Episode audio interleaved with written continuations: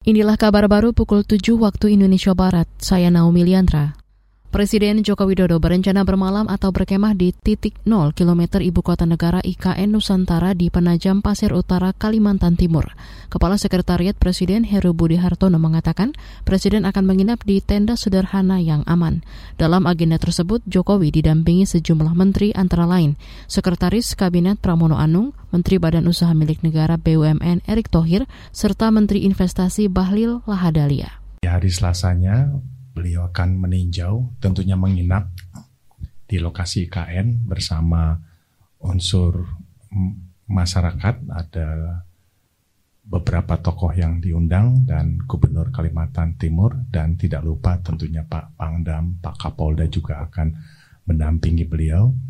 Dan di hari kedua itu Bapak Presiden akan melihat beberapa lokasi antara lain lokasi nursery yang sudah dipersiapkan oleh Kementerian Lingkungan Hidup untuk segera melakukan penghijauan dan penanaman pohon di berbagai titik itu tadi Kepala Sekretariat Presiden Heru Budi Hartono. Mengutip antara, Jokowi akan melakukan ritual kendi Nusantara bersama seluruh gubernur.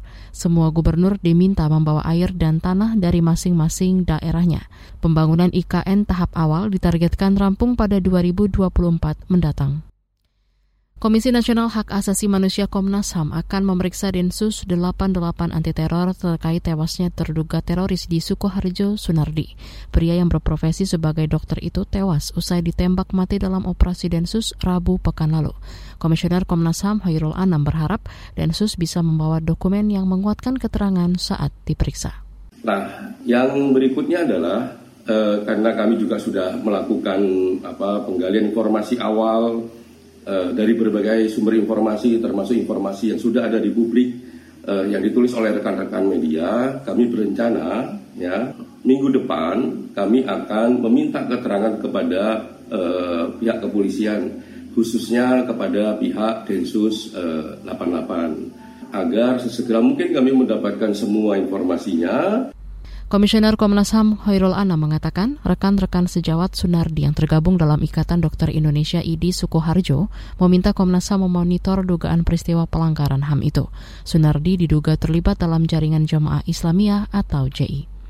Sebelumnya juri bicara Mabes Polri Dedi Prasetyo menyebut tembakan dilakukan sebab Sunardi sempat melawan dengan menabrakkan mobil ke daerah kendaraan petugas. Ia menegaskan personel Densus 88 anti teror dibekali kewenangan diskresi atau kebebasan mengambil keputusan sendiri sesuai situasi di lapangan. Rusia dan Ukraina akan kembali menggelar dialog hari ini 14 Maret demi penghentian perang yang sudah berkecamuk sejak 24 Februari lalu. Pejabat kedua negara optimistis dapat mencapai hasil baik dalam waktu dekat. Melansir CNN, penasihat Presiden Ukraina Mikhailo Podolyak mengatakan perundingan akan digelar melalui konferensi video. Dia mengaku melihat gelagat baik Rusia yang sudah berhenti melontarkan ultimatum dan mulai mendengar. Seorang anggota negosiator dari Rusia, Leonid Slatsky, menuturkan kedua negara sudah mencapai mencapai proses signifikan setelah beberapa putaran pertemuan di perbatasan Belarus. Dia berharap ada perkembangan dalam beberapa hari ke depan dan mengarah ke posisi bersama kedua delegasi dalam dokumen yang ditandatangani. Demikian kabar baru KBR. Saya Naomi Liandra.